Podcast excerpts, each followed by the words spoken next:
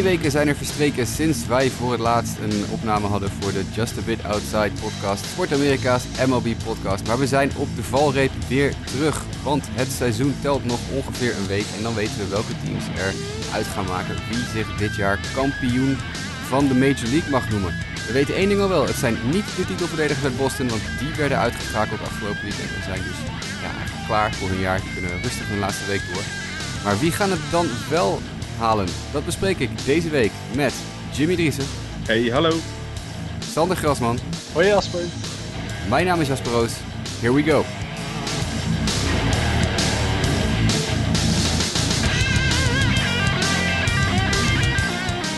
Ja, we beginnen zoals altijd met ons moment van de week. Jimmy, jij hebt een eh, heel erg eh, aansprekend moment van de week gekozen volgens mij. Ja, vooral voor de visueel ingestelde mensen. Ik ben gek op eh, gekke baarden, gekke snorren. En pitcher van de Athletics, Mike Fires, had tegen Texas, inmiddels iets meer dan een week geleden, maar goed, we hebben twee weken niet opgenomen, dus het mag nog meegenomen worden. Die had een geweldige ringstaartbaard. Je moet het zo zien als een, eh, als een halve baard die aan zijn rechte bakkenbaard begon en in een krul doorging naar zijn snor en dat was het. En het mooiste was nog, hij pitchte geweldig. Maar liefst 1 2 derde inning. En drie earn runs tegen, een home run tegen, maar één strikeout. Het was dramatisch. En het mooiste is nog, hij haalt zijn snor eraf. En hij pitcht gewoon afgelopen week tegen de Rangers alsnog een, een geweldige wedstrijd. Acht innings gepitcht, nul runs tegen. Dus eh, uiteindelijk is toch, eh, ja, die, die, die snorloze Mike Fires is beter dan, eh, dan de ringstaart snor. Ik denk dat hij een beetje uit balans raakte of zo door die scheve snor. Dat er iets, eh, iets niet helemaal lekker eh, in zijn evenwicht was, zeg maar. Ja, het, zag maar- er, ik zag, het zag er echt niet uit. Ik vond het er echt niet uitzien. Ja, wat vinden jullie daar nou van? Moet dat kunnen of moet, moet je hier ook gewoon een schorsing voor krijgen? Ja, daar zit je wel een beetje inderdaad op de grens van het uh, toelaatbare hoor, wat dit betreft. Maar nee, ja, nee, weet je, broer, prima. Lekker, doe wat je wil. Maar ja, wees niet uh, verrast als je er voor lul voor wordt gezet. Dat Heel... is in dit geval wel... uh, Helemaal omdat hij ook nog wel heel bagger aan pitchen was natuurlijk. Ook dat nog, ja, daar sta je twee keer voor paal. Dat yes. is uh, ja, heel, heel lullig. Sander, wat is jouw moment van deze week? Mijn moment van de week was uh, Mike Jastrzemski, die uh, zijn debuut op Fenway maakte, waar zijn uh, opa jarenlang furore heeft gemaakt. De, het icoon uit de jaren 60 en 70 van de Boston Red Sox. Uh, nou ja, voor denk ik veel uh, van zijn generatie Boston fans uh, echt de, de, favoriete speler. En uh, nu maakt de 29-jarige rookie Mike Jastrzemski eindelijk zijn debuut. Hij komt natuurlijk uit in de National League. Dus hij uh, zal, krijgt niet veel kansen. En hij uh, kwam nu voor een serie naar Boston. En uh, hij sloeg meteen een home run. Dus eindelijk weer is een Jastrzemski die een home run slaat in Fenway. Helaas voor de verkeerde partij. En het levert dus ook nog Boston een nederlaag op. Maar wel leuk om dan te zien hoe een nieuwe generatie Jastrzemski naam gaat maken in, uh, in de Major League. Ik ben nooit zo gevoelig voor dat soort uh, ja, emo-dingetjes. Maar die foto die de Red Sox, was het Red Sox Twitter-account, die dat, die foto plaatste ja, eerder, klopt. eerder ja. in het weekend. Dat vond ik wel weer echt een hele mooie. Die twee uh, Jastremskis naast elkaar, allebei met precies dezelfde pose, terwijl ze door het stadion rondlopen. Het was een beetje een candid genomen foto. Allebei met één hand in de broekzak, geloof ik. En dan liepen ze daar te praten. Dat vond ik dan mooier nog dan ja, wat, wat er allemaal aan gehangen werd toen Yes daadwerkelijk, Yes Junior daadwerkelijk een, uh, een home sloeg en zo. Maar dat vond ik wel echt een mooie foto. Over de top daarna, maar uh, dat was eigenlijk best wel een klein momentje. En mm. ook omdat ze een beetje op elkaar lijken, Mike in ieder geval ook op een jonge jazz, dan, uh, ja, dat was wel een mooi moment. Daarna gaat het iets te ver. Maar... Ja, maar de, de, mannen in Fenway Park hebben dit jaar toch ook gewoon weinig kunnen genieten. En dan moet juist het, het, het mooiste moment van het seizoen is eigenlijk van een speler van een tegenstander. Bizar. Ja. Het, is natuurlijk ook, het blijft Amerika. Dit soort ja. dingen. Er zijn, Amerikanen zijn gewoon heel erg gevoelig voor dit soort uh, emo-dingetjes af en toe. Uh, cirkels die rond zijn en, uh, en comebacks. En inderdaad, nou, wat je zegt, Sander, het, het, het, een home run van een Jastramski in het stadion waar die andere Jastramski zoveel furore heeft gemaakt. Ja, dat zijn, daar zijn Amerikanen gewoon heel gevoelig voor. Dus ja, goed. Dat geven we ze dan maar, maar ik persoonlijk uh, word er niet zo heel erg warm van. Maar die foto, dat vond ik echt een hele fraaie. En ik hoop dat allebei de Jastramskis die uitvergroot op hun kamer hangen. Mijn moment van de week uh, betreft uh, Amir Garrett. De vaste luisteraars van onze podcast weten dat ik een uh, al jaren verstokt fan ben van Amir Garrett. Ondanks dat Lionel de Red Scanner in ons gezelschap toch al meerdere keer heeft gezegd dat het niet zo ziet zitten in Amir Garrett, blijf ik gewoon stug volhouden. Ik vind het een eindbaas.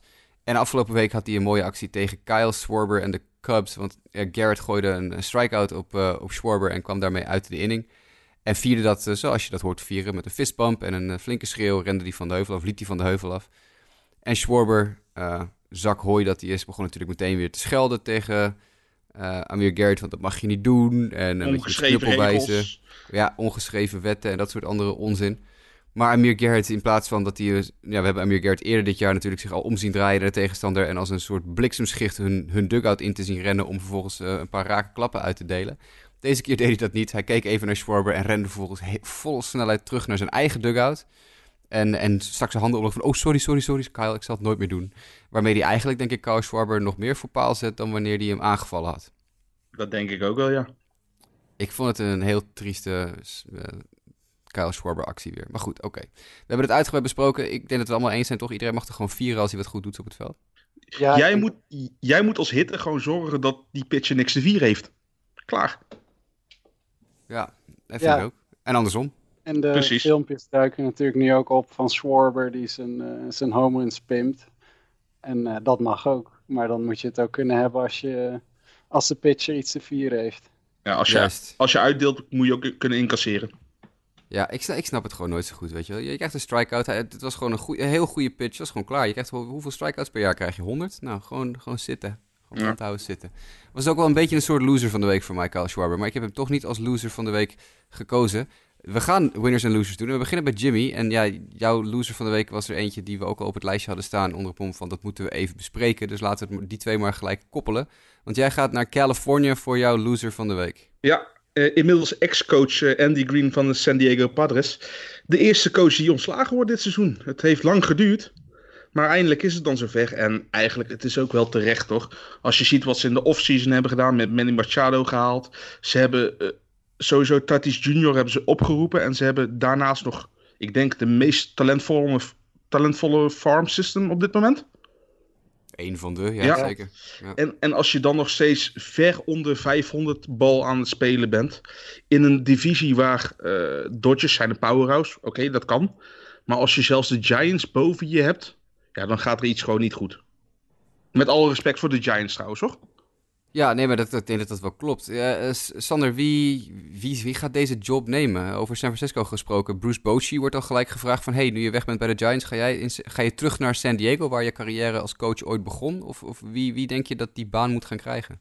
Ja, er, er worden wat namen genoemd uh, van, van buiten de organisatie. Bochy, Madden wordt ook genoemd. Uh, en ook van intern worden er een paar namen genoemd, zag ik ja, je komt in ieder geval in een gespreid bedje. Minder dan de afgelopen vier jaar onder Green kan je het niet doen. En je hebt verschrikkelijk veel talent om over te beschikken. En er komt nog veel meer talent aan. Ik denk dat veel, uh, veel managers wel zitten te wachten op, uh, op zo'n klus. Dat het kan alleen maar beter.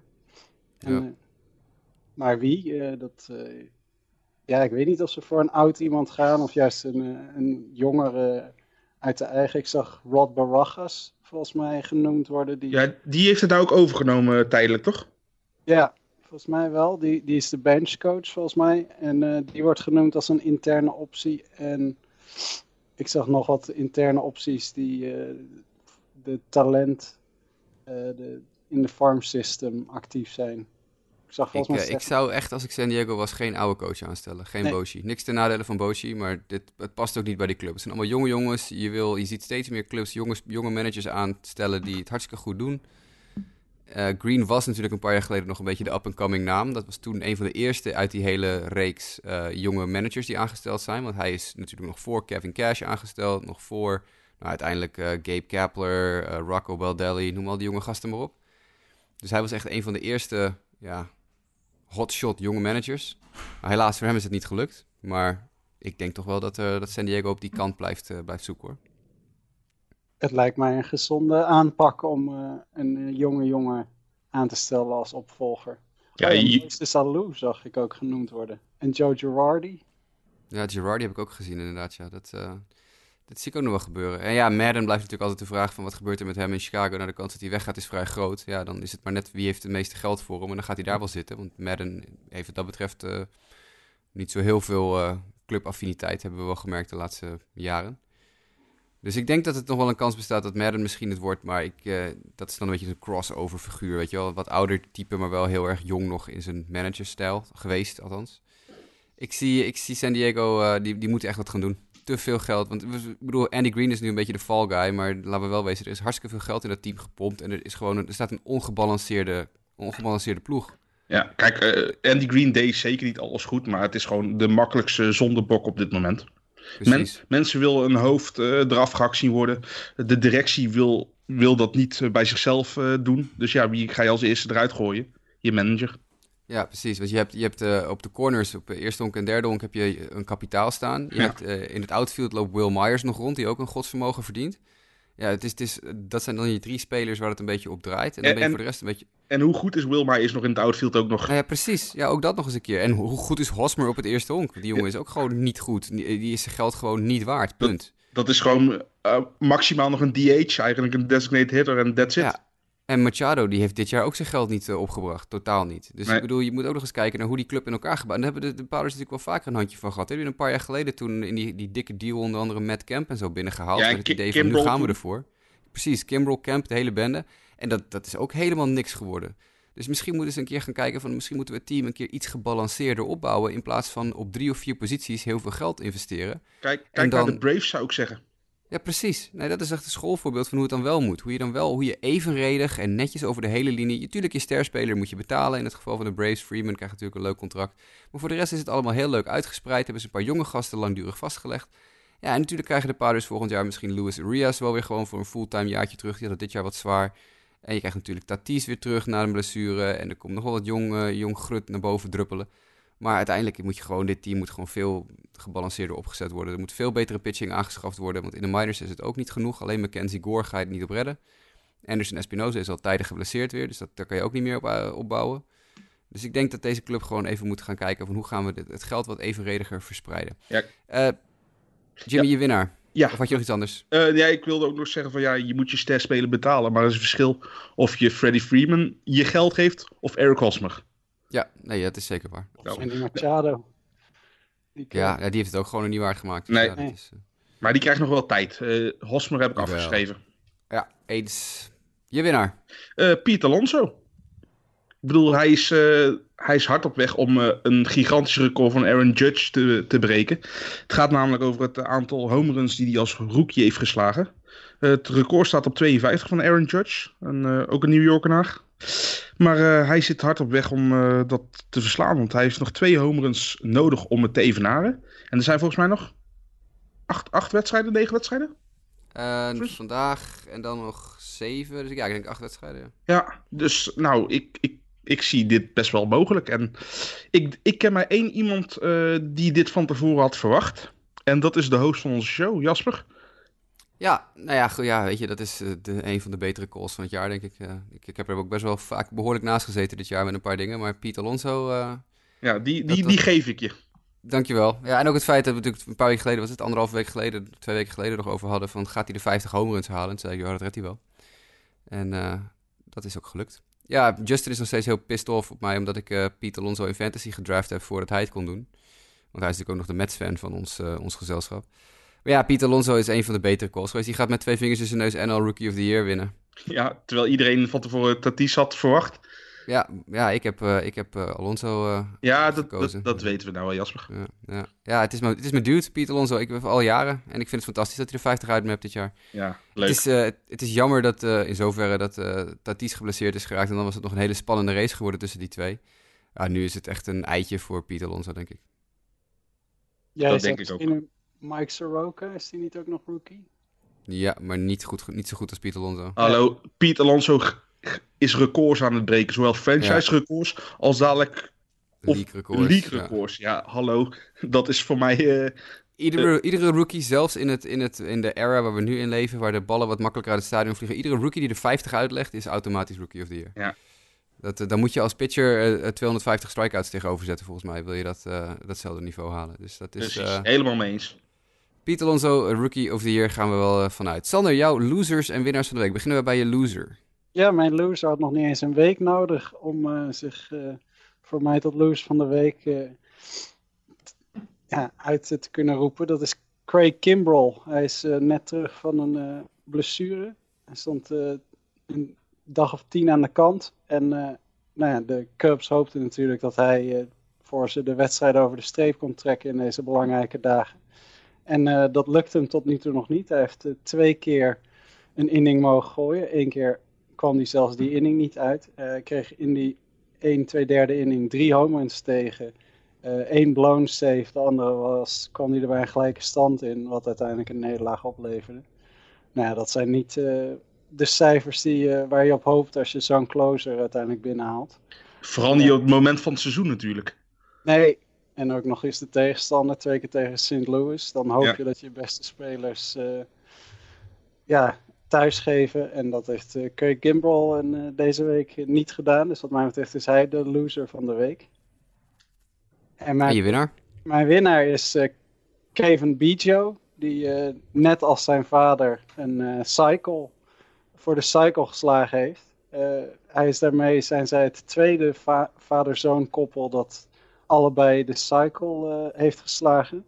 Ik moet al even in mijn aantekeningen kijken. De vorige waren Daryl en Gary Ward. Nou, die had ik niet zo uit het blote hoofd uh, op kunnen dissen.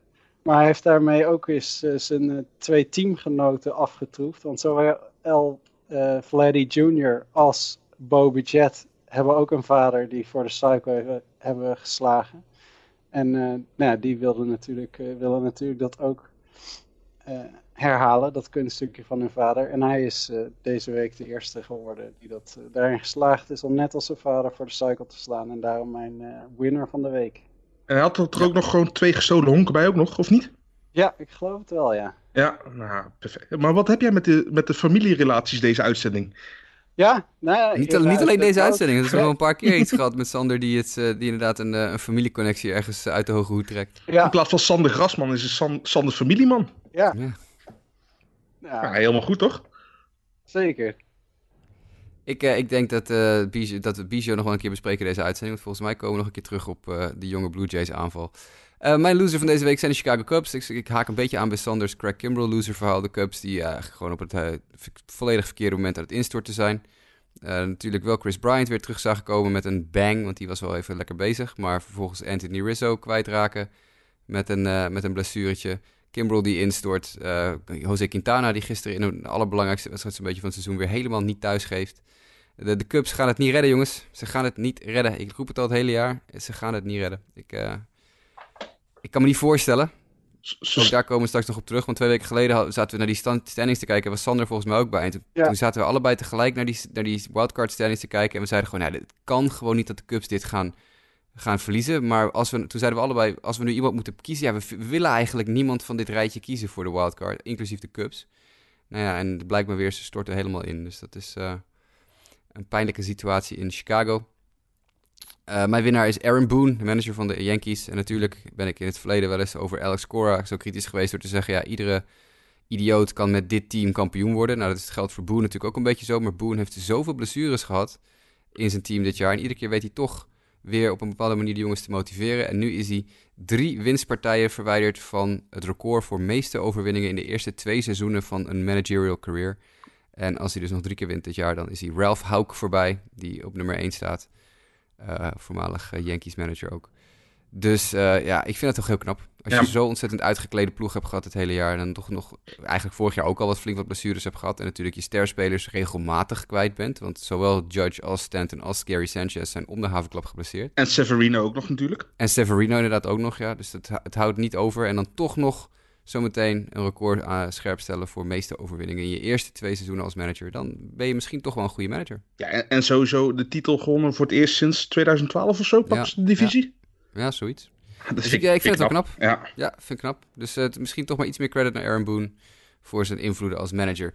Dat waren onze winners en losers. We gaan naar het nieuws van de week. Ja, we hebben daar nog een aantal losers niet gehad, die we natuurlijk wel eventjes hier uh, gaan noemen. Want de eerste twee ja, agendapuntjes van onze, uh, ons draaiboekje zijn eigenlijk niet honkbal gerelateerd. Ja, zijn wel honkbal gerelateerd, maar niet wedstrijd gerelateerd. Want we hebben twee jongens die gearresteerd zijn of geschorst zijn wegens achterlijk gedrag. En dan beginnen we met Pittsburgh Pirates closer Felipe Vasquez. Achterlijk gedrag ben je nog mild, Jasper? Ja, daar ben ik nog mild, hè? Ja, precies. Nou, ik laat jullie zo meteen even helemaal losgaan hierop. Maar Felipe Vasquez is gearresteerd in Pittsburgh, in zijn huis in Pittsburgh, voor, op verdenkingen van ja, verregaande vormen van, uh, of uiteenlopende vormen van kindermisbruik. En dan heel kort het verhaal gaat dat uh, Vasquez in Florida, waar hij in het off-season woont, een meisje al twee jaar lang aan, ja, aan het lijntje houdt, zeg maar. via via telefoon, via WhatsApp, noemen we allerlei, allerlei contactmethodes. Um, en hoewel er nog geen actief seksueel misbruik heeft plaatsgevonden, zoals het er nu naar uitziet, heeft hij zich aan alle kanten over de, heeft hij de wetten vers, ja, overtreden. Hij... Het was niet actief omdat het niet lukte. Nee, precies. nou, ja, ja, nee, maar ja, goed, ja, dat zijn, dat zijn bullshit. voor de wet is dat het, ja, het is bullshit, maar voor de wet, weet je. Zes stuks, zes, zes vormen van kindermisbruik zijn hem ten laste gelegd. Ten eerste uitlokken van seksueel contact met een minderjarige, het verstrekken van obscene materiaal aan een minderjarige, filmpjes van hemzelf terwijl hij allerlei handelingen aan het verrichten is, is dat. Statutory sexual assault, dat is wettelijke seksuele mishandeling van een persoon onder de 16 jaar door iemand tenminste 11 jaar ouder. Want dit meisje was tussen de 13 en de 15 en hij was tussen de 26 en de 28 toen dit plaatsvond. Onwettig contact met een minderjarige, zedenbederf van een minderjarige door een verdachte van 18 jaar of ouder. En onfatsoenlijk seksueel gedrag tegen een persoon onder de 16 jaar. Ja. ja dit is einde, einde carrière. Egon. Ja. Loser van de buitencategorie. Ik denk, ik denk loser van het jaar. Ja, ik denk zeker. Ja. ja. En, en dat, waren, dat kon al veel andere mensen zijn, maar hij topte het nog even. Ja. Wat... Nou ja, hij heeft wel echt een probleem, want niet alleen is hij natuurlijk nu, hij, zijn carrière is gewoon 100% voorbij. dat hij, hij, kan toch het land uitgestuurd worden, was toch volgens mij het geval? Ja, hij, kan in, hij, kan, hij is dus in Pennsylvania gearresteerd en, en hij wordt waarschijnlijk uitgeleverd aan Florida, omdat hij daar woont en omdat daar, dat daar dat meisje ook woont. Maar in Florida, of in Pennsylvania kan hij tussen de 10 en 20 jaar de gevangenis ingaan voor deze overtredingen. In Florida zelfs tot 30 jaar. En uh, inderdaad, na het uitzitten van die straf kan hij dan ook meteen gedeporteerd worden. Uh, dus deze jongen die is in één klap uh, ja, echt, echt alles kwijt. Zijn, zijn Major League carrière, zijn vrijheid en zijn status als Amerikaanse inwoner. Ja. Dus ja, deze jongen is, is hopeloos de kluts kwijt, Felipe Vasquez. Ja, en, dan, is, en dan bizar wat zijn nickname dan is, hè? Nightmare. Nou, Nightmare, dat, dat gaat hij nou echt meemaken, ja. En terecht. Ja, Nee, het is echt heel, het is een heel raar verhaal ook. Hij is dus twee jaar bezig geweest met dat meisje communiceren via, via telefoon en dat soort dingen, via Snapchat en noem maar op. En hij, uh, hij heeft haar leren kennen tijdens een wedstrijd van de Pirates, geloof ik. Nou, dan ga je dus als 26-jarige werper met een 13-jarig meisje staan praten. En, hij, en hij wist dat ze zo jong was, hè? dat is het nog. Ook dat nog, ja. En dat is, ja, maar goed, weet je, iedereen kan... mensen zeggen wel eens, ja, ik kon niet zien of ze 17 of 18 was. Zwaar, maar je kan echt wel zien of iemand 13 is. Dat is, dat is gewoon... Dat, ja, maar kies... al zie je het op het begin niet, als je erachter komt dan staak je alles. Dan zeg je van, luister eens, uh, kan niet. Ja. Moreel niet goed, wettelijk niet goed, veer. Ja. Maar dat nee, gebeurt echt, dus ook uh, De Pirates hebben nog wel een beetje slag om de arm gehouden wat betreft uh, zijn schuld. Natuurlijk, ja, dat kunnen ze ook wettelijk niet. Dus ze kunnen niet zeggen, ja, uh, zo met hem op, hij is schuldig. Dus ze, ze zeggen, hangen het onderzoek ja, speelt hij niet voor ons, maar ze hebben wel heel sneaky al zijn hele lokker leeggehaald. Al zijn spullen zijn al weg. En iedere afbeelding in het stadion van Felipe Vasquez is van de een op de andere dag verwijderd. Dus er is geen enkel spoor meer te vinden uh, van het feit dat Felipe Vasquez ooit voor de Pittsburgh Pirates heeft gespeeld. Uh, dus die hebben duidelijk hun uh, terechte keuze ook al gemaakt. Die, die zien we nooit meer terug. En zullen we het na vandaag ook gewoon nooit meer over hem hebben? Het lijkt me verstandig als we dat nooit meer doen. Want ondanks dat het een talentvolle honkballer was, is het ook een absolute badmuts gebleken. Dus uh, laten we vooral nooit meer hebben over Felipe Vasquez en al zijn raar gedrag. Uh, Domingo Herman, die heeft losse handjes en die is op administrative leave gezet na een huiselijk geweldincident en komt dit seizoen niet meer in actie. Wat gaan we met Domingo Herman aan moeten? Ja, dit is sowieso een, een raar verhaal, omdat dit niet gebaseerd is op een politieonderzoek, zoals dat bij Vasquez wel is. Dit is, als ik het goed begreep, via via uh, ja, door de vriendin van uh, Domingo, die die dan ik weet niet eens precies of we weten wat hij gedaan zou hebben, maar het is een, uh, ja, hij zou er een klap hebben gegeven volgens mij. En dat is dan via verschillende mensen bij de, bij de MLB op, op het bureau terechtgekomen. En die zijn een onderzoek volgens mij naar hem gestart. En uh, ja, dus geen politieonderzoek, voor zover ik weet. Maar de MLB gaat dit wel uitzoeken. En tot die tijd is ook Domingo German, Herman van alle ja, hebben de Yankees hem volledig verwijderd van alle uit de fanshop zijn zijn shirts volgens mij gehaald en alle posters zijn weg. En we zien hem dit seizoen niet meer in actie. Maar... Nee, volgens mij hebben de Yankees dat ook al toegegeven dat hij dit seizoen niet meer in actie komt. Ja. Ja, treurig. Het, het is het zoveelste geval van losse handjes in de Major League. En uh, dat American Football stond er altijd een beetje onbekend dat die jongens wat losse handjes hadden. Maar op dit moment uh, moet uh, de honkbalwereld zich ook een beetje achter de oren gaan krappen. Want dit is al geloof ik nummer 4 of 5 in een anderhalf seizoen. Ja. Dus ja, het, is, het blijft een opvallend fenomeen. Dat toch op een of andere manier die jongens denken van nou ja, daar kom ik wel mee weg. En iedere keer komen ze niet meer weg. Wel interessant inderdaad, Sander, wat je zegt. Dat het via via terecht is gekomen bij MLB en niet via de politie is gegaan. Dat betekent ook wel, dat is wel een beetje een pluspuntje voor MLB. Ik ben wel vaak kritisch op ze, maar dat ze dit meteen hebben, ook gewoon serieus hebben genomen. En meteen, ondanks dat er verder geen bewijs was, want als, als zij dat onder het bureau hadden geschoven, dan was er dus waarschijnlijk niks mee gebeurd. Dus ze gewoon meteen aangepakt hebben en meteen uh, Herman op een uh, onderzoekstrajectje hebben gezet. Ja. Uh, vervelend voor de Yankees, maar aan de andere kant, zonder hem redden ze het ook wel natuurlijk. Ja, ja, ze kon al zonder Stanton, zonder Judge, zonder Severino, dus ja, ja, dan kan Herman er ook nog wel bij. Dat denk ik ook wel, ja. Voorlopig hebben we het ook dan even niet meer over Domingo Herman. Nou goed, gaan we het nu eens over honkbal hebben. We moeten weer even naar de Red Sox. Ik zei het net al, de Red Sox zijn uitgeschakeld van de week in uh, de strijd om de playoffs. Sander, jij bent onze resident uh, Red Sox-expert. Uh, um, we kunnen het even nog een paar dingen hebben over de Red Sox. We hebben natuurlijk de vorige uitzending ook al gehad over Dave Dombrowski. die ontslagen was. Nu hebben de Red Sox nog twee mensen, of ja, meerdere mensen, maar twee belangrijke mensen ontslagen. Senior VP of Baseball Operations Frank Wren, longtime baseballman en uh, Special Assignment Scout Eddie Bain zijn ontslagen. Uh, hoe moet het nu verder met de Red Sox, nu ze uitgeschakeld zijn voor de postseason? Ja, ik denk dat ze met een schoon schip deze winter in willen. Ze zullen wachten hele belangrijke beslissingen. Uh, Mookie Betts is daar natuurlijk de belangrijkste van. Wat ga je daarmee doen?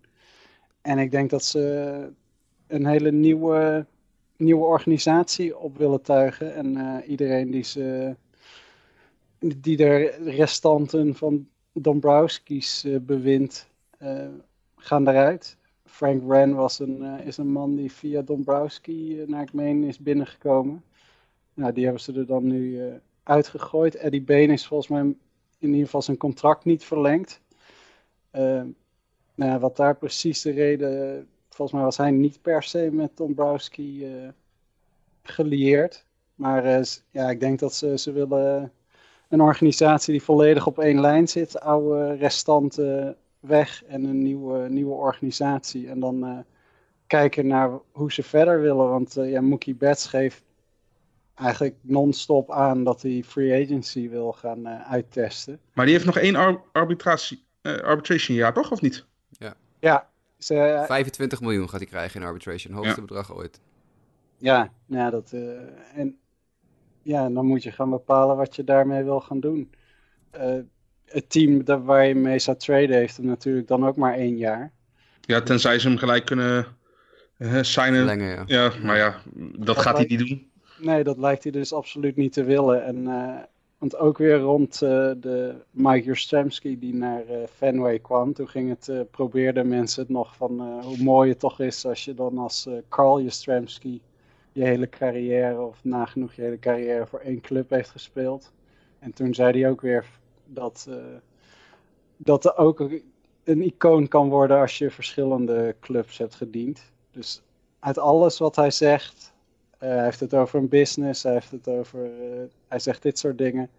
Uit alles blijkt wel dat hij wil kijken hoe free agency uit gaat pakken, wat hij daar voor contracten kan krijgen. Hij wil, hij wil gewoon betaald worden. Ja. Zo simpel is het. Dus dat, uh, ja, je weet niet of je, het, uh, of je hem na volgende winter hebt. Dus je moet nu besluiten of je houdt hem een jaar voor 25 miljoen. En nou, gaat dan kijken wat je, wat je volgend jaar kan. Of je gaat nu proberen een trade met een team uh, te bewerkstelligen. Met een team dus dat weet dat ze hem ook waarschijnlijk maar een jaar hebben. Want, ja, ja dus wat krijg je ervoor terug? Ja, nou, dat, dat, dat is in het verleden wel gebleken dat teams best wel bereid zijn om voor een eenjarige speler als van het kaliber Bets behoorlijk wat neer te leggen. Want dat zijn, er zijn best wel recente voorbeelden nog van, van rentals die of rond de deadline of in het offseason nog best wel behoorlijk wat op kunnen leveren. Alleen ja, je moet dat afvragen als, als je Boston bent, wat, wat wil je nu verder bereiken in de toekomst? Want ook JD Martinez gaan steeds meer geruchten dat JD Martinez zijn opt-out gaat gebruiken. Want zijn opt-out gaat in dit jaar, dus hij mag kiezen of hij zijn contract uh, beëindigt. Uh, en er gaan steeds meer geluiden dat hij ook dat gaat doen. En dan voor je het weet ben je ook nog zonder JD Martinez. Als hij slim is, gaat hij dat ook doen. Want volgens mij zijn, uh, was zijn contract vooral frontloaded. Want volgens mij gaat hij juist in 2021 en 2022 uh, flink minder verdienen dan wat hij nu doet. Ja, maar goed, als je natuurlijk bij een team zit waar ik. We hebben het over flink minder. Dat is nog steeds een godsvermogen wat hij gaat verdienen. Ja, als, je bij een, als, je bij een club, als je bij een club zit die net twee jaar achter elkaar of zo de World Series wint en voor een derde titel gaat, dan ga je echt je opt-out niet doen. Ja. Maar na zo'n dramatisch seizoen als dit jaar. Uh, wat ik denk toch voor Boston het wel gebleken is. Met, met zoveel. Met, ja, met de postseason missen, met verliespartijen, met uh, uh, een ontslagen eindbaas. Uh, dan maakt dat natuurlijk de keuze weer, uh, ja, niet alleen op geldgebied, maar ook op succesgebied. Hij wil natuurlijk ook gewoon winnen. En als hij niet denkt dat hij volgend jaar met deze ploeg kan winnen, dan gebruikt hij zijn opdracht niet alleen om extra geld te verdienen, maar ook een klein beetje om naar een club te gaan waar hij wel gaat winnen. Ben ik helemaal met dat... je eens, alleen hij is natuurlijk, ja, zie jij hem nog in het veld spelen?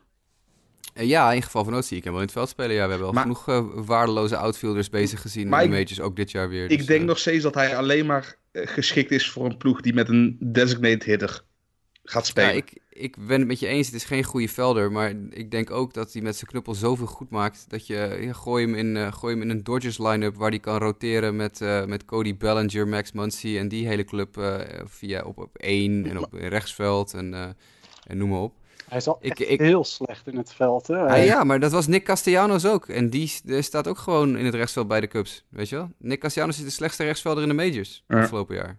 En die staat ook gewoon in het veld. En die gaat ook een dikke deal krijgen, want die staat hartstikke goed te slaan dit jaar. Bij de Cubs dan in ieder geval. Maar aan de andere kant, uh, de Red Sox hebben al een keer bewezen vanuit een heel slecht seizoen ineens door kunnen schieten naar World uh, Series winnaar. Ja, maar dat ging allemaal met trades en met free agent signings. En die trades die zie ik niet zo heel erg 1, 2, 3 vooraan staan. Want nee, want ze hebben alleen maar traden, krachten. Precies, als ze nu gaan traden, dan traden ze inderdaad dure veteranen weg. En dan daar krijg je geen Major League ready spelers voor terug waarschijnlijk. Dus ja. dat is, uh, ik denk niet dat... prospects klaarstaan, hè? Toen had je, ja, precies. Uh... Er is heel weinig wat dat betreft. Uh, want, want wie, wie heeft behalve uh, bets tradewaarde? Ja, Bogarts heeft wel tradewaarde, ja, die wil je niet wegdoen. Want die misschien? En misschien, ja, aan de andere kant... Ik weet of je daar nu heel veel Nee, maar die ligt nog wel in ieder geval drie jaar vast onder uh, arbitration. Ja, maar dan is het misschien niet logisch om die weg te doen. Als je daar juist een goedkope uh, above average major, major leaguer voor in het veld hebt staan. Dan zit je ja, vooral klopt. te kijken naar jongens als Bogaerts die wel een gunstige deal hebben, maar die wel heel nuttig kunnen zijn. Ja. Maar ja, wie gaat dat hem dan is het vervangen? ook eigenlijk. En dat is, dat is het. Wie gaat hem vervangen ook, weet je? En je moet over een paar jaar moet je jongens als Rafael Devers en Andrew Benintendi gaan betalen. Dus dan ja. moet er weer een godsvermogen klaar liggen. Dat heb je ook misschien niet 1, 2, 3 liggen. Ik, uh, ik denk niet dat er op dit moment heel veel te traden valt voor Boston. Afgezien van misschien bets. Maar voor de rest, ja, er is ook niks in de minor league. Die Eddie Bain, die was special assignment scout. Uh, die was vooral met de draft bezig. Nou, ik denk dat het ook een teken is, terecht, dat ze bij Boston zeggen... luister, onze drafts van de laatste paar jaar zijn gewoon heel slecht. Nou, dat is ook gewoon zo. Er, er is helemaal niets uit de draft van de laatste paar jaar gekomen. Zelfs de jongen, de meeste shoe-in top prospect Jay Groom... is langdurig geblesseerd geraakt en heeft eigenlijk weinig gepresteerd. Ja, die lijkt uh, dus... alweer een beetje terug te komen. Daar hebben ze ja, maar... hoop, maar ja, het is altijd Precies. Uh... Hij is pas net weer terug van zijn ja. Tommy John. En uh, dan moet je altijd even, dan ben je nog wel een jaar verwijderd van dat je überhaupt iets, iets kan zeggen over de staat van ja. de speler. Als dat, een, als dat je enige speler is in de laatste vier drafts waar je van kan zeggen, nou ja, die doet wel aardig. Dat is niet genoeg. Dat, dat, is niet genoeg. Nee. Weet je, dat is gewoon... Ja, vorig jaar, Cases hebben ze van vorig jaar, dat lijkt ook wel een prospect te zijn, maar die is 19. Ja, en gewoon... toch staat hij dus niet in de top 100, hè? Tristan Casa is een leuke speler, maar staat niet in de top 100. Ja, ik zag in een laatste dat hij ergens in de 80 stond nu. Maar dat, ik weet bij niet... welke? Hebben ze hem bij, uh, bij Fangraphs of zo erin gezet of zo? Ik dacht bij MLB, zag ik ergens. Ah, oké. Okay. Volgens mij staat hij bij Baseball America er niet in. Nee. Maar goed, die kan er nog wel in komen natuurlijk. Ja, ja nou ja, goed, dat is ook wel een leuke speler. Maar wat, wat je ook zegt, uh, Sander, die jongen is uh, 19 of zo. Daarom. Ja, dus die, gaat je ook, die gaat je ook volgend jaar niet naar de titel slaan. We nee, zijn, ja, tenzij je Acuna Junior of Soto weet. Ja, precies. Nou, dat is Tristan Casas nog even niet, denk ik. Nee, dan heb je Dalbeck. Maar ja, die gaat er nu waarschijnlijk eerst honk spelen. Maar is 24 en ja. Ja, zie ik, zie ik het ook niet zo heel erg in. De Red Sox zijn gewoon in problemen. Chavis had natuurlijk wel een leuke binnenkomst uh, dit jaar, maar die is ook een beetje weggezakt, ook door blessures. Ja, ik zag ja. ook ergens een artikel over waar de meest gelukkige en meest uh, de grote pechvogels qua expected uh, uitkomsten. Chavis stond bovenaan bij de gelukkige, kan niet ja. anders. dat, dat tempo kon hij nooit vol. Dat heb ik volgens mij zelfs al in de podcast al eerder gezegd, want dat houdt hij nooit vol. Kan niet. Nee, eens. En nee, dus de Red Sox hebben wel een klein beetje een probleempje dan, denk ik hoor. Ja, en het is ook, het is ook vooral dat je het heel onzeker is, onduidelijk wat, wat, gaat er nu, eh, wat gaan ze nu doen. En dan gaat JD Martinez, denk ik, uh, eieren voor zijn geld kiezen. Ergens waar hij weet wat, uh, wat de lijn zal zijn. En dat is bij Boston nu nog niet duidelijk. Want ja, wat ga je met Bets doen? Gaan ze hem. Ze, ja, die gaat geen verlenging tekenen. Maar als je ook ziet wat ze nog elkaar contact hebben. Dustin Pedroia volgend jaar nog voor 30 miljoen op de boeken. Rust, ja. Rusty Castillo kan al jarenlang niet meer opgeroepen worden. Staat voor 14 miljoen volgend seizoen in de boeken. Nate Ieovaldi. Niemand weet of hij ooit fit geraakt of niet. Staat voor 17 miljoen in de boeken. Dat is gewoon allemaal dood geld gewoon allemaal. Daar kan je niks meer mee. Nee, nee inderdaad. Uh, Tristan Casas staat wel in de Baseball America top 100. Dus ik weet niet waar hij niet staat, maar hij staat bij... Oh, hij staat bij Baseball America 66 en bij Fangraphs 92. Dus de, de, updates van de lijst hebben hem ook uh, inmiddels toegevoegd. Dat terzijde. Maar goed, dan heb je er één of twee, daar schiet je niks meer op. Dus dat wordt een, dat wordt een uh, interessante situatie, denk ik. Ja. moeilijk. Ja, vooral ook omdat de divisie om zich heen ook niet stil zit natuurlijk.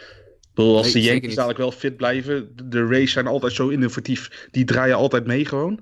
En de Blue Jays, die hebben een talent. Ja. Ja, ja. ja daar komen ze meteen nog wel even op, op de, wat de Blue Jays gaan doen, denk ik. Ziet er niet goed uit um, voor Boston. Nee, dat wordt problematisch. Uh, voor wie het ook niet zo goed uitziet zijn de Miami Marlins. Want dat ziet er nooit goed uit. Maar die hebben wel hun manager voor twee nieuwe jaren vastgelegd. Don Mattingly. Ja, die denkt ook geld is geld. Denk ik. Want heel veel uh, glorie is er niet te halen in Miami. Maar goed, uh, de, Mar de, Marlins hebben Mattingly voor twee jaar vastgelegd. En nog een optie voor een derde jaar. Ja, wat, ja, dit is nieuws. Maar moeten we hier nou iets heel erg analyserends op loslaten? Nou ja, ze hebben meer winst dan Baltimore en Detroit. Nou, dat vind ik knap. Ja, nou ja, aan de andere kant, Baltimore en Detroit doen met z'n tweeën uh, doen ze een stijvertje wisselen voor het slechtste team ooit. Ja, dus, uh, ja maar ja, Miami, ja, wat moeten we erover zeggen? N niks. Nee, ik denk het ook niet. Nee. Dometically, heel veel succes. Ze hebben ook volgens mij uh, Miguel Rojas hebben ze verlengd, die korte stop ja. die daar rondloopt voor ja, een jaar of wat. Maar wat er altijd gebeurt bij de goede spelers van de Marlins, die verlengen, worden gelijk de, het seizoen daarop weer getrade. En dan gaan ze ja. weer opnieuw die rebuild doen. Het is eigenlijk zo'n visuele cirkel die maar doorgaat. We hebben een ster we maken hem een seizoen groot. We gaan hem zijn contract verlengen. En weg is hij. Ja, en in dit geval denk ik niet dat uh, meneer Rogas uh, heel erg goed is. Dus dat nee, dat is waar. Maar, maar, normaal, maar normaliter is dit wel uh, de modus operandi van Martins ja. front office. Zeker weten. Ja, en die hebben natuurlijk alweer een deksel flink op hun neus gehad met die Zach Gallen trade van de afgelopen zomer. Ja, Want Zach Gallen die staat de bal uit zijn broek te gooien. Dus dat is uh, weer een hele lullige situatie voor meneer Jeter, die weer duidelijk een misschien wel verkeerde keuze heeft gemaakt. Maar dat was toen in die podcast er al een, die we toen besproken hadden, was het gewoon een rare trade. Een upcoming guy tegen een upcoming guy. Ja, ja ik, ik zei toen van ja, oké, prima, je kan ze best voor elkaar traden. Want ik vind, ik vind die, uh, die Jazz Chisholm ook wel een goede speler die ze voor teruggekregen hebben. Maar ja, Gallen zit in de majors en Chisholm niet. Dus je gokt eigenlijk op dat Chisholm die stap kan maken naar de majors, terwijl je al weet dat Gallen hem al gemaakt heeft. Zeg dus, dus voor nu ben je er gewoon dik op achteruit gegaan. Ja, dat is niet handig. Maar goed, oké, okay, dat terzijde. De Astros, de Braves en de Yankees hebben divisietitels gepakt. Dat is uh, even het vermelden waard, denk ik. Onverwacht is het niet, geloof ik. Nee, ja, zeker. Ik had de Braves al.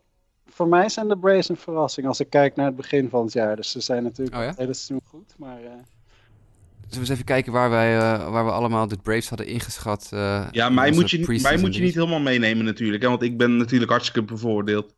Ja, maar juist daarom moeten we je meenemen. Nou. Dus, uh, ik ga even snel kijken. Praten jullie in tussentijd even ja. over de Astros en de Yankees? Ja, ja ik vind het... Uh, mij verbaast het wel enigszins dat de Braves in deze sterke divisie eigenlijk zo soeverein uh, ja, de andere teams achter zich laten. Want de Nationals en de, de Mets en de, de Phillies zijn toch geen kleine jongens? Nee, maar ja, goed, de, de, de Mets en de Phillies waren zo wisselvallig als ik weet niet wat. En ja. Washington heeft natuurlijk echt een gigantisch slechte start gehad. Want die stonden op een gegeven moment, stonden ze volgens mij zelfs nog onder de Marlins. Ja, dan ga je heel slecht. En die zijn daarna wel de achtervolging ingegaan. Ik denk dat het kwalitatief voor Washington Atlanta niet heel veel uitmaakt qua kwaliteit. Nee, dat is denk ik ook sinds de, sinds de break al ongeveer gelijkwaardig. Maar toch. Ja, ja, maar, Atlanta, uh, Acuna Jr. doet het geweldig. Freeman doet het geweldig. Ozzy Albies. Dan heb je gewoon drie hitters die gewoon ja, geweldig zijn.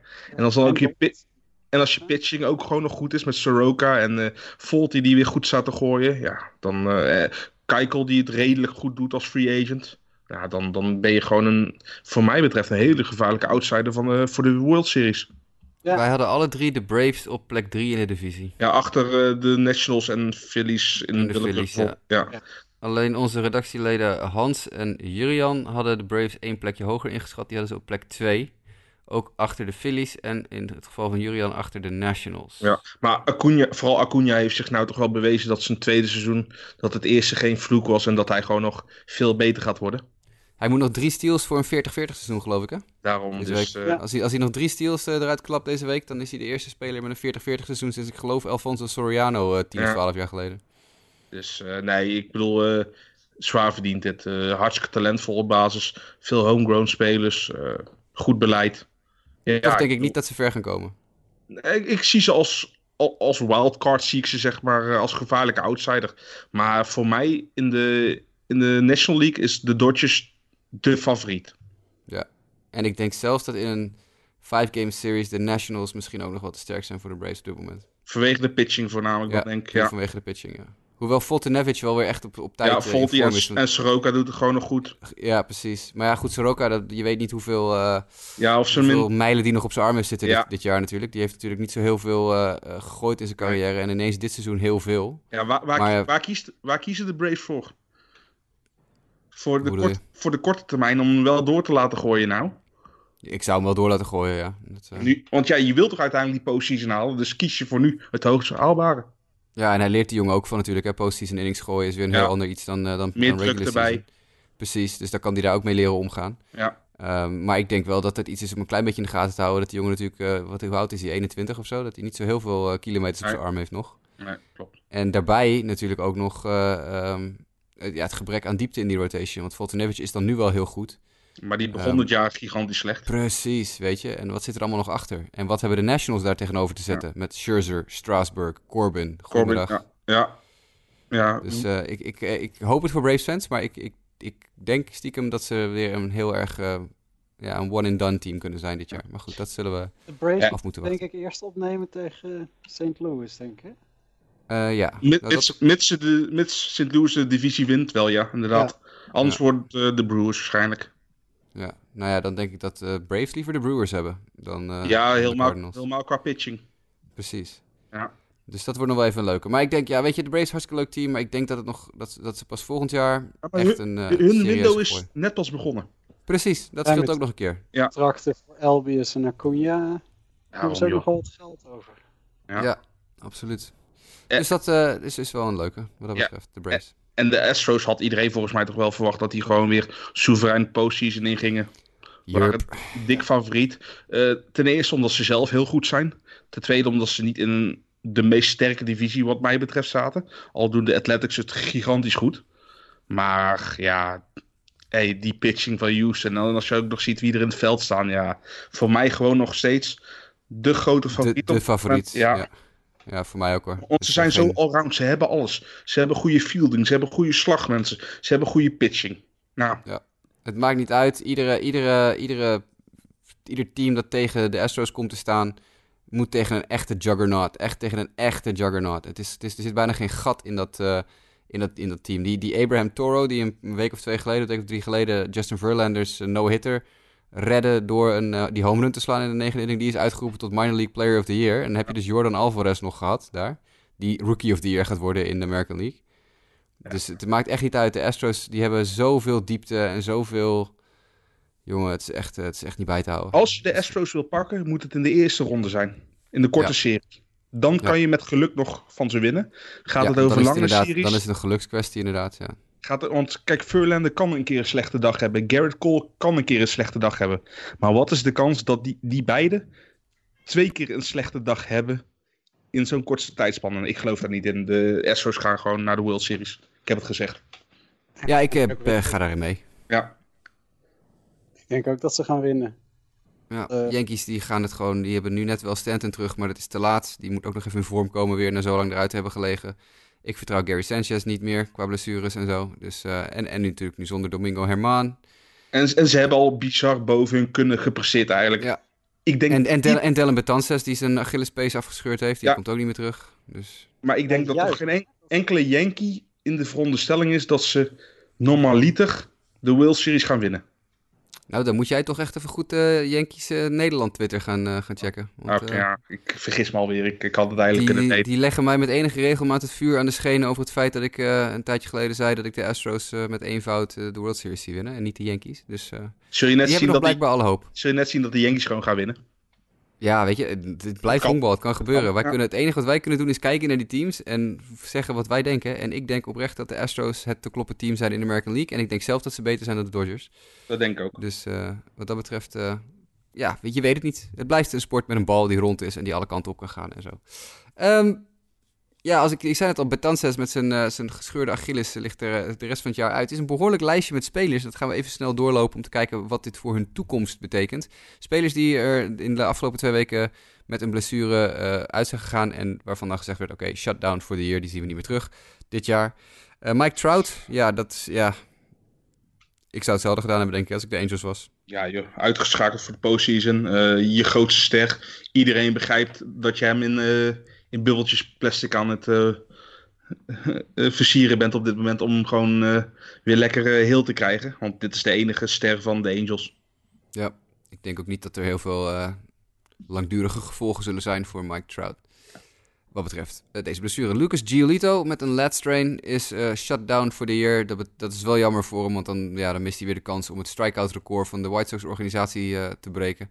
Maar voor de rest denk ik dat eh Giolito gedaan heeft wat hij moest doen dit jaar. En eh, veel indruk heeft gemaakt. Eh, hij is niet geblesseerd geraakt aan zijn arm, dus prima. Precies, het is niet zijn arm, het is zijn lat. Lekker, lekker een paar weken pauze nemen. Lekker vakantie nemen, prima. Juist. Lekker kalm aan. En, en in de loop van de winter weer lekker een beetje gaan gooien. En dan volgend jaar hopelijk weer hetzelfde doen wat hij dit jaar heeft gedaan. Of misschien zelfs nog wel beter, want dat was leuk om naar te kijken. Blake Trinan, de closer van de Oakland A's, is er uit voor het regular season, moet ik zeggen. Niet out for the year, want dat zou betekenen dat hij ook niet in een eventuele playoffs zou kunnen gooien. Dat zou hij misschien nog weer wel kunnen, mochten de A's de playoffs halen. Maar kost dit, het verlies van hun stercloser, de A's hun playoff kansen? Mm, nee, dat denk ik niet. Want hij stond dit jaar toch al niet zo heel sterk te gooien. Volgens mij heeft hij een, een ERA tegen de 5 aan. Ja, dat zou kunnen. Ik, ik, Zoiets. ik vraag het aan jullie. Bedoel, Eh, eh, eh, eh, het is niet meer de, de, de Blake Trainer die, die een jaar geleden zo ongenaakbaar was en niet de hitter was. Volgens mij zijn eh, walks en hits per inning zijn echt gigantisch omhoog gegaan. Zit volgens mij boven de 1,5 per, per, per inning. Ja, dat moet je als closer niet hebben. Ja, E ERA 4,91 dit seizoen. Twee Ja. punten boven zijn career. En, en volgens mij ook maar echt maar net een strikeout per inning. En dat is wel eens beter geweest bij hem. En als je als closer geen strikeouts hebt, heb je een groot probleem. Ja, whip van 1,6. Ja, maar toch, weet je, het, het zijn, het zijn eh, ja, voor, voor teams hun, hun, hun dragende spelers kwijtraken is nooit eh, makkelijk. Maar goed, in dit geval hebben ze misschien nog wel voldoende ook om het op te vangen tussen de bedrijven door. Ketel Marte van de Arizona Diamondbacks, out for the year. Die had een seizoen, zeg. Die, die, als Yelich en Bellinger er niet bij zaten, dan ging het tussen hem en Randon als MVP, toch? Ja, Ik denk het wel. Ketel Marte, geweldig. Ja, het is echt, eh, ik- toevallig ben ik ook echt al jaren een fan van Ketel ik ben ontzettend blij dat hij er nu eindelijk uitkomt. Want ik heb hem dus in fantasy al geloof ik drie jaar op ieder willekeurig moment op mijn roster gehad. Ja, want volgens mij heeft niemand hem gedraft bij ons op het begin. Volgens mij ook niet, nee. Maar wat een seizoen, jongen. Bijna zeven war. Zeven war! Ik weet trouwens wel wie hem heeft eh, gedumpt op eh, fantasy. Namelijk? Ja, ik op een gegeven moment. Ja, oh, ja. Moet je nagaan als ik die ook nog zou hebben, hè? ja, dan had je Ja. misschien een kans gehad tegen Nick. Ja, helaas. Helaas. Nee, maar fantastisch seizoen. Hè? 3,29 average, 32 home runs, 92 RBI's, 10 steals. Dat is weinig, want hij is veel sneller dan, normaal, dan dat normaal Maar, gesproken. maar er wordt ook gewoon toch veel minder Ja. gestolen tegenwoordig. Ja, maar deze jongen kan op zich heel hard lopen, dus Ja, eh, waarom niet? Ja. Multi-inzetbaar, OPS plus van 148. Fantastisch, wat een jaar, wat een jaar. Hij heeft de helft van zijn career war dit jaar eh, verzameld, 6.8 en eh, zijn career is 13.8. Dus hij heeft, dit seizoen is met recht het career year tot nu toe van Ketel Marte. Volgend jaar hopelijk hetzelfde. Joey Gallo, out for the year. Dat was al, zat er een beetje aan te komen, want hij was natuurlijk al een tijd geblesseerd. Maar ik denk niet dat de kans aanwezig is dat hij terugkomt in de laatste week. Hij is door de Rangers op de 60-day IL gezet. Ja, klopt. Ja, klopt. Dus geen Joey Gallo meer. Nope, helaas. Maar volgens mij heeft hij daardoor wel een relatief hoge batting average voor Gallo standaarden. Ja, dat kan goed kunnen. Ja. Heeft, is hij, kwalificeert hij nog voor batting titles of zo? Nee, nee, dat, dat sowieso niet, want hij is echt al heel lang uit. Maar goed, uh, hij was natuurlijk altijd een 220 hitter of wat dan ook. Nou, volgens mij zit hij daar nou een 253. Nou, dat is niet, uh, niet verkeerd. Maar goed, dat, maar, dat ja, is niet twee, iets wat je 200, met... ja, maar dat... 241 slagbeurten. ja, is... ja, maar 253 is niet een getal wat je met Gallo associeert normaal gesproken, toch? Nee, nee normaal gesproken niet. Nee. Dus uh, wie weet. En toch 22 home in die 241 at-bats. Ja, maar dat, dat weet je bij hem. Dat hij, hij slaat ze over de hekken. Dat is één ding wat uh, zeker is. Ik geloof niet in Joey Gallo. Dus ik uh, blijf ook volhouden dat ik twijfel of het volgend jaar wel weer lukt. Maar hij is ook pas 25. Dus ik bedoel, net als Ketel Marte ook pas 25. Het is een one-player. Ik geloof in zijn home runs. Ja, ja dat denk ik ook. Ja. Uh, David Price, Sander. Even, even naar de Red Sox weer terug. Ook out for the year.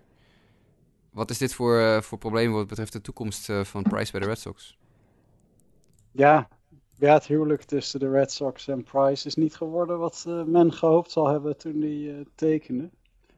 En ja, wat we nog van hem van kunnen verwachten, dat, ja, ik heb echt geen idee. Het, hij heeft vorig seizoen natuurlijk fantastisch postseason gedraaid. In ieder geval de, de World Series ver boven verwachting. Als, als reliever, toch?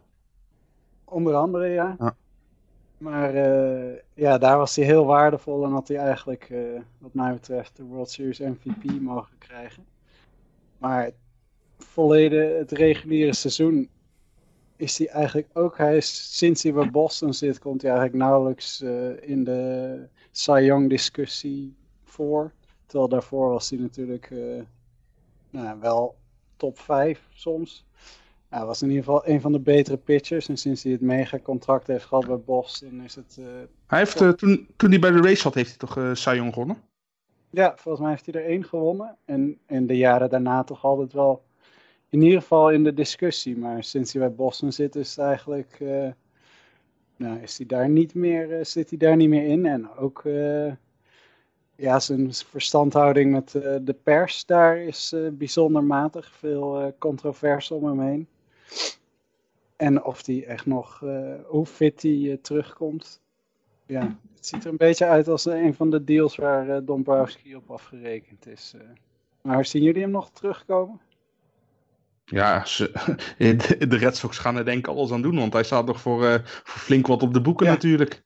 Dus ze, ze, ze gaan een rol voor hem vinden. Maakt niet uit wat. Ook al is het uh, op een gegeven moment als uh, JD Martinez vertrekt als designated hitter. Ze gaan hem gebruiken ergens voor. Hij is gewoon te duur, anders. Zou ik wel geld voor betalen trouwens hoor, David Price als designated hitter. Dat zou ik wel willen zien. Ja, mooi hè? Lijkt me wel, lijkt me wel. Um, we hebben er meer op het lijstje staan. Oh, Chris Paddock van de San Diego Padres, shutdown for the year. Nou, dat uh, verbaast mij dat het zo laat is gebeurd. Ik had verwacht dat ze dat eerder hadden gedaan. Maar ze hebben natuurlijk al eerder in het seizoen hebben ze hem uh, uh, wat tijd vrijgegeven. rond de All-Star break hebben ze ja. hem een tijdje op non-actief gezet. Chris Paddock, fantastisch seizoen, denk ik. Eerste seizoen in de majors. Ja. Uh, wel up en down hier en daar, maar dat is te begrijpen bij zo'n zo'n jonge, jonge speler. Ik, ik verwacht veel van Chris Paddock volgend jaar. Wat, het, wat, wat jullie? Ja, je, ik, ik ben altijd toch altijd even kijken naar zijn, zijn tweede seizoen. Want op een gegeven moment, de, de league gaat, je, gaat zich aan jou aanpassen natuurlijk. Dus ik, ik ben gematigd positief over Paddock. Maar ik moet het toch nog maar even zien. Ik, het zou me niet verbazen als de league hem wel heeft uitgevonden. En dat hij dus gewoon, ja, gewoon geen strikeouts meer krijgt. Nou ja, zijn staf is zo goed. Strikeouts die krijgt hij wel. Dat is, de, dat is het minste van zijn problemen, denk ik. We pakken even de tweede seizoenshelft erbij van Chris Paddock. De tweede seizoenshelft begint zo'n beetje rond 23 juli, zou ik zeggen. Zoiets, 17 juli, 6 ja. juli. Nou, we pakken vanaf juli. Laten we zeggen, we hebben dan... Uh, uh, maart, of april, mei, juni. En dan juli, augustus, september is de tweede helft. Dus we pakken juli, augustus, september voor Chris Paddock. Zijn statistieken: 3,66 ERA, 64 innings, 72 strikeouts. Uh, 2,12 slaggemiddelde tegen. 2,52 BABIP tegen. En een whip van. Waar is zijn whip? Even scrollen.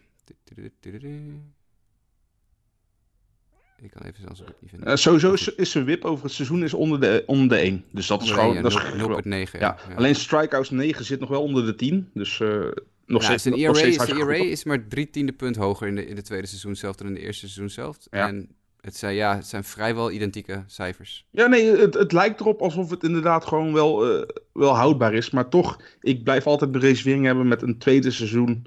De sophomore slump bestaat niet voor niks, het woord, hè?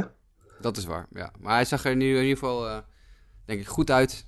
En ik denk als hij uh, op deze manier om, door blijft gaan, dan zullen ze wel lol hebben van Chris Paddock volgend jaar. Wat mindere namen die allemaal eruit liggen. Jacob Junis van de Kansas City Royals. Boeien. De Royals sowieso. Boeien. Boeien, inderdaad. Ja. Colin McHugh van de Astros komt niet meer terug. Nou ja, goed. Zonder hem redden ze het ook wel. Corey Dickerson bij de Pirates komt niet meer terug. Dat is prima. En Jason Kipnis bij de Indians is ook einde verhaal. Maar dat kan nog wel een keer het einde van zijn Indians carrière zijn, denk ik. Ja, ik wil trouwens nog even over Corey Dixon hebben. Want je, noem je hem nou een Pirate? Sorry, ja, je hebt gelijk. My bad. Ja, uh, Phillies natuurlijk, hè? Phillies, ja. Niet heel belangrijk. Uh, nee, helaas niet. Voor, nee. voor, de Phillies op dit moment. En no. ook niet zo heel belangrijk gebleken bij jullie, nee, vrees ik. helaas. Jammer, want ik vind dat een leuke honkballer. Maar niet, uh, niet waargemaakt wat hij vorig jaar bij de Pirates wel liet zien. Kipnis, even nog Indians. Ja. Is... Einde carrière, Phillies. einde Indians carrière bedoel ik? Dat denk ik wel. De, ja... Hoe, hoe, oud is je nou? Nog niet? over de 30. Iets over de 30, denk ik. 31, 32, ja. denk ik. Dus eens even kijken. Oh, dat zou jonger zijn dan ik dacht. Jason Kipnis is 32 jaar. Ja, maar hij zit ook al vrij lang in de majors. Hij is volgens mij als 24-jarige heeft hij zijn eerste, eerste plate appearances gehad. Maar, uh, ja, dat klopt. In 2011. Ja, maar het, het, beste is er toch wel ook al een beetje van hem vanaf. Het Want beste is er sinds uh, 2016 al vanaf, ja. Ja, daarom dus, uh, ja, goed.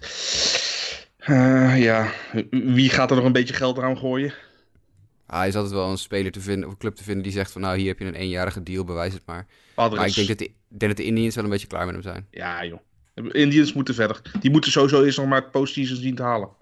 Dat ook nog een keer. Ja, dat gaat in ieder geval niet gebeuren met hem erbij. Nee. Want een 84 OPS plus is ver, ver, ver beneden gemiddeld in de Major League. Dus dat, uh, daar kom je niet zo ver meer mee. Dan doen we nog twee dingetjes en dan zit deze uitzending er alweer op. Het eerste dingetje dat wij nog doen is uh, de American League en National League wildcard update. Nou, we kijken heel even snel, we hebben een blik op de wildcards. Uh, Oakland en Tampa Bay en Cleveland, daar gaat het tussen. Dat is al weken ongewijzigd in de American League. Dus ik, uh, ja, ik ga jullie niet nog een keer vragen wie gaat het winnen. Dat vraag je elke week al. We zien het volgende week wel. Toch? Ja, daarom. Ja, het is... National League is een stuk interessanter. Even scrollen, daar zijn we weer. Want Milwaukee is inmiddels uh, ja, weer terug in de race. Ja, het is meer dat de Chicago Cubs niet meer in de race zijn. Of in ieder geval een stukje ten, zijn teruggevallen. Ik bedoel, uh, die hebben vijf wedstrijden achter, ja, maar die hebben vijf wedstrijden achter elkaar verloren. Ja, Kim, Kimbrel die totaal niks meer kan closen. Hm. Nee, dat is zeker waar. Milwaukee wint er dus drie op rij. Uh, en staat nu weer gezamenlijk boven de streep met Washington. Dat zou betekenen dat de wildcard game tussen Washington en Milwaukee zou gaan. Uh, ja, dan denk ik dat Washington de betere papieren heeft in ja. zo'n geval. Uh, de Cubs drie wedstrijden achter Milwaukee. De Mets 4,5 zijn wat mij betreft uitgeschakeld. Maar dat zijn ze al, wat mij betreft al sinds, sinds mei, geloof ik. Maar oké, okay, dat is een ander punt. En Arizona en Philadelphia op vijf. Dat gaat ook tricky worden om daar nog een, om vijf wedstrijden te overbruggen in een week tijd. Dat zie ik niet meer gebeuren. En vergeet ook niet trouwens, de Cubs moeten nou gewoon weer tegen de Cardinals spelen. Ja, zeven keer geloof ik nog ja. in de laatste week of en zo. Dus, de Brewers uh... krijgen nou de Pirates, dus ja. Ja, ik ja, denk dat de Brewers een, een, goede kans hebben. Ik zet ja. mijn geld wel op uh, Milwaukee tegen Washington, inderdaad. Ze hebben het wegvallen van uh, Jelic goed opgevangen in Milwaukee. Zeker. Zijn ze in ieder geval niet minder goed van gaan spelen. Misschien juist ook wel het wegvallen van je superster. Dat andere spelers dan denken, ja, nu moeten we het met z'n allen doen. Dat ze net even een stapje harder gaan lopen. Dat ze niet meer achteruit leunen en denken, Jelic lost het wel op. Dat, dat heb je in voetbal, is, is dat de Slatan Ibrahimovic-theorie. Ja, nou hier. Je, je, je, je zet je spel precies aan de hand van één sterspeler. Valt hij weg, dan gaan mensen andere dingen bedenken. Er staan nieuwe leiders op, er komt een nieuw groepsverband. En het kan zomaar beter gaan klikken. Maar goed, ja, hey, beetje, maar Jelic blijft het, natuurlijk het, het, een geweldenaar, hè? Nee, tuurlijk. Het is een beetje het rode kaart syndroom, toch? Dat soms, soms ja. een, ze krijgt een voetbalploeg een rode kaart, dan gaan de andere tien gaan harder lopen. Werken, ja. Die gaan ja, voor, voor 12 lopen, terwijl juist het team wat meer mensen heeft, juist minder gaat lopen, want die denkt van, oh, ik hoef toch maar tegen 10 man. Ja, dan zou je het op de weer kunnen loslaten. Ja. Met, met te veel sterspelers zoiets hebben van, nou ja, als ik een keer een slechte dag heb, dan lost die andere het wel op. Ja, maar als iedereen zo denkt. Precies.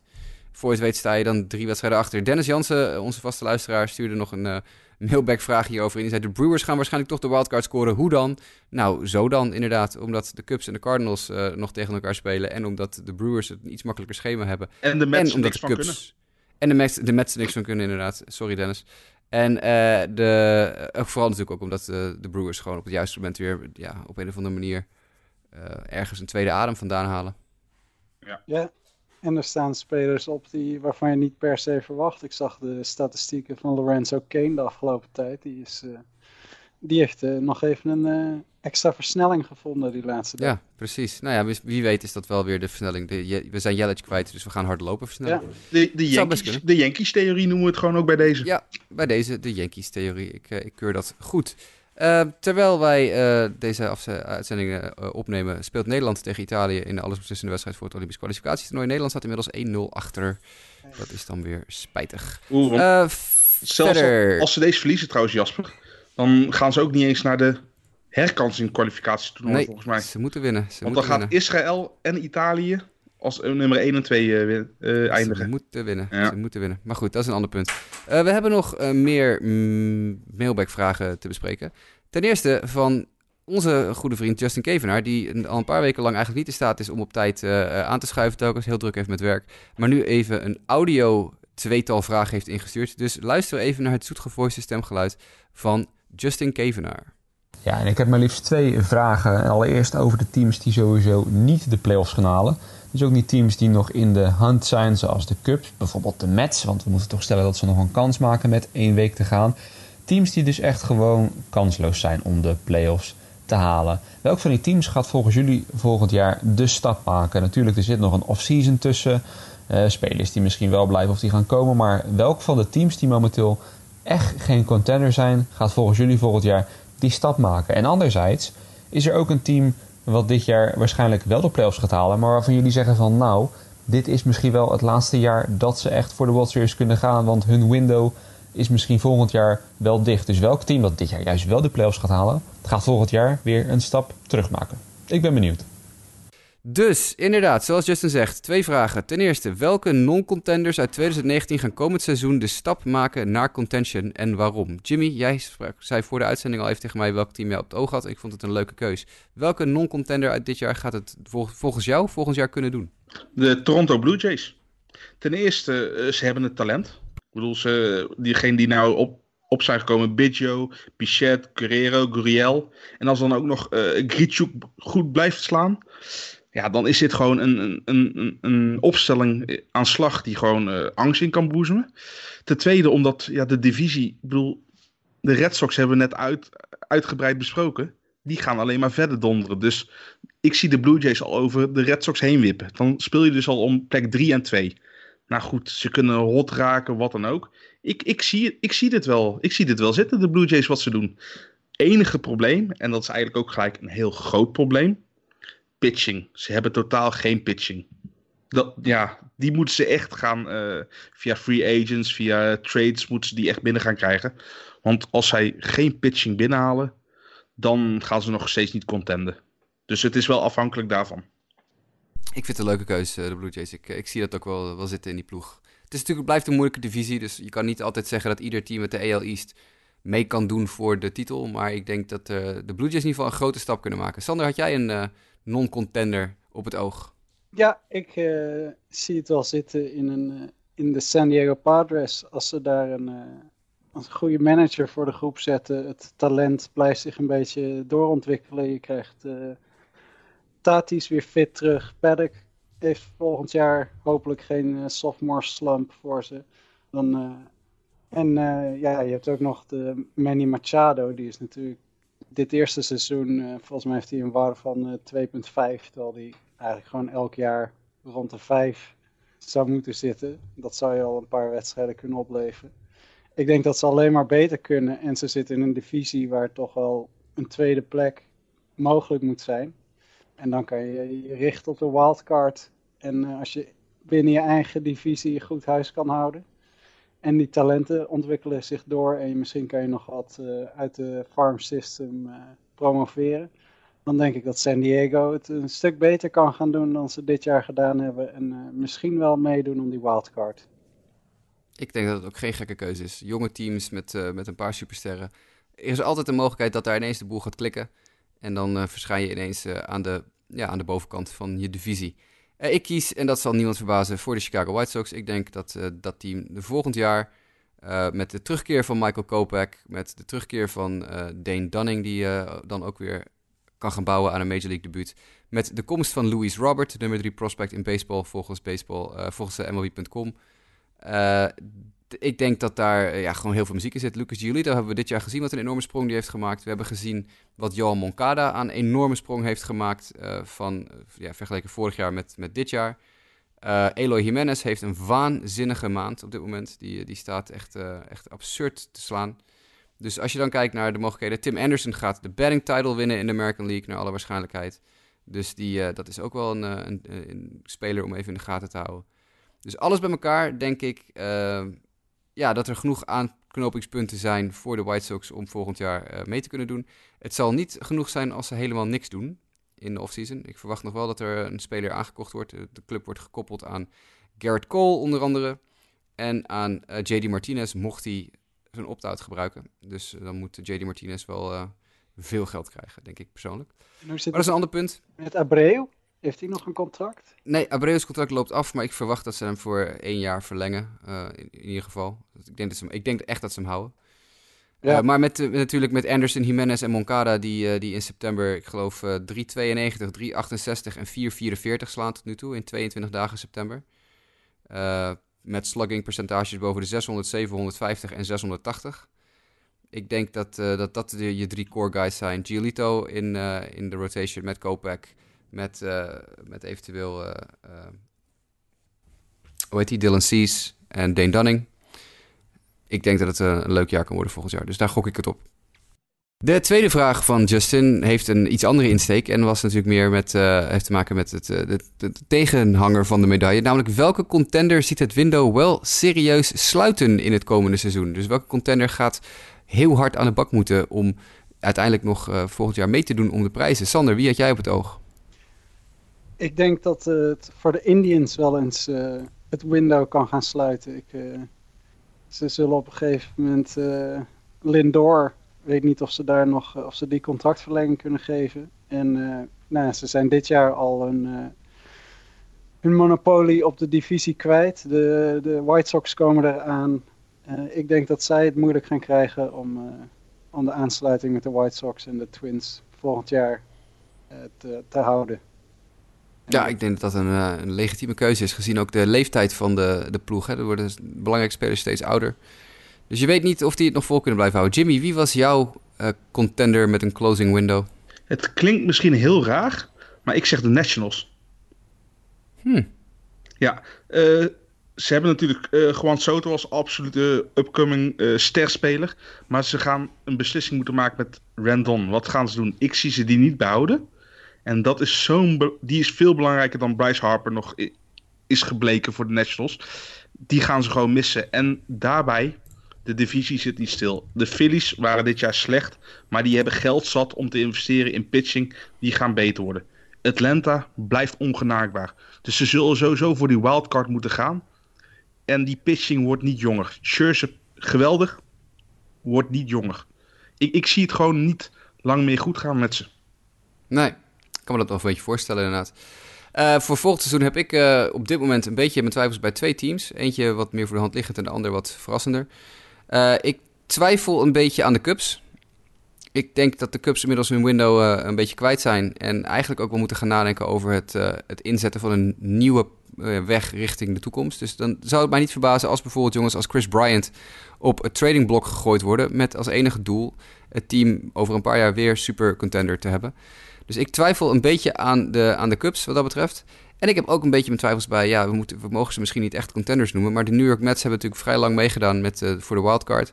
Ik, uh, ik denk dat dit team nog te veel gaten heeft om, uh, ja, om iets te kunnen doen. Dus ik, ik, ja, om, om verschillende redenen zeg ik de Cubs en de Mets. wat dat betreft. Dus die zullen aan de bak moeten, willen ze volgend jaar nog een keer gewoon met de beste mee kunnen. Nog één mailbackvraag. Dennis Jansen, daar is hij nog een keer. Wie durft hem aan? Gaan de Chiefs de Ravens verslaan vanavond? Uh, ja, het wordt sowieso een, een shootout wedstrijd tussen Lamar Jackson en uh, Mahomes. En ik denk dat uh, op dit moment ga ik voor de upset de Ravens, omdat die, ja, die, die missen wat minder belangrijke spelers dan de, dan de Chiefs. Die hebben volgens mij geen. die, die missen Tyreek Hill. Die missen volgens mij Williamson ook nog. Dus ze moeten op LeSean McCoy gaan gokken. Nee, de Ravens gaan voor de upset. Ik, ik wed nooit tegen Patrick Mahomes. Chiefs over Ravens vanavond. We zullen het zien. Dat was eventjes een NFL'tje tussendoor. Hey jongens, hartstikke bedankt. We zijn er weer doorheen. Het is eh, iets meer dan een uur zijn we bezig geweest. Maar we hadden ook tenslotte twee weken aan nieuws en dingen te bespreken. Dus dan duurt het wel eens wat langer. Wij gaan ons opmaken voor uh, eh, PSV Ajax vanmiddag en dan een avondje NFL. En natuurlijk de race in de wildcards uh, wat betreft de MLB. Want ook vanavond zal er weer uh, meer duidelijkheid komen. Hopelijk in de staat, de stand van zaken bij zeker de National League wildcard. Wij nemen afscheid met uh, Nederland met de honken vol tegen Italië in de eerste helft, vierde inning. Geen nullen, dus ik verwacht dat Nederland hier wel gaat scoren. We zullen zien of mijn gevoel uit gaat komen. Jullie ontzettend bedankt voor je aanwezigheid, boys. Ja, graag gedaan weer. We zien elkaar, uh, of spreken elkaar misschien volgende week wel weer. Dan is het seizoen afgelopen. Maken we ons op voor eventuele Game 163's of wildcard wedstrijden of dat soort dingen. En gaan we ook onze Rookies of the Year, Cy Young Awards en dat soort zaken uitreiken. dus ga daar vast over nadenken deze week wie jij wil dat de Rookies of the Year of Cy Youngs uh, gaan winnen. Dan kunnen we daar volgende week even over babbelen. Voor nu, luisteraars, ontzettend bedankt voor het luisteren. Wil je iets opsturen en insturen of wil je met ons praten over iets? Justabitpodcast at gmail.com, at jwkev, at mdijk90, at jasperoos, at Jimmy Driessen, at grasmansd, at inikd, at sportamerika, facebook.com slash sportamerika en Spotify. En dat in één adem. Zo in één adem. En dat moet je dan maar een keer terugluisteren als, je daar, eh, als dat te snel ging. Dan zit er zo'n mooi knopje op de podcast-app om 10 seconden terug te springen. Dus doe dat dan maar even. We horen graag van jullie. Voor nu, bedankt voor het luisteren en tot volgende week.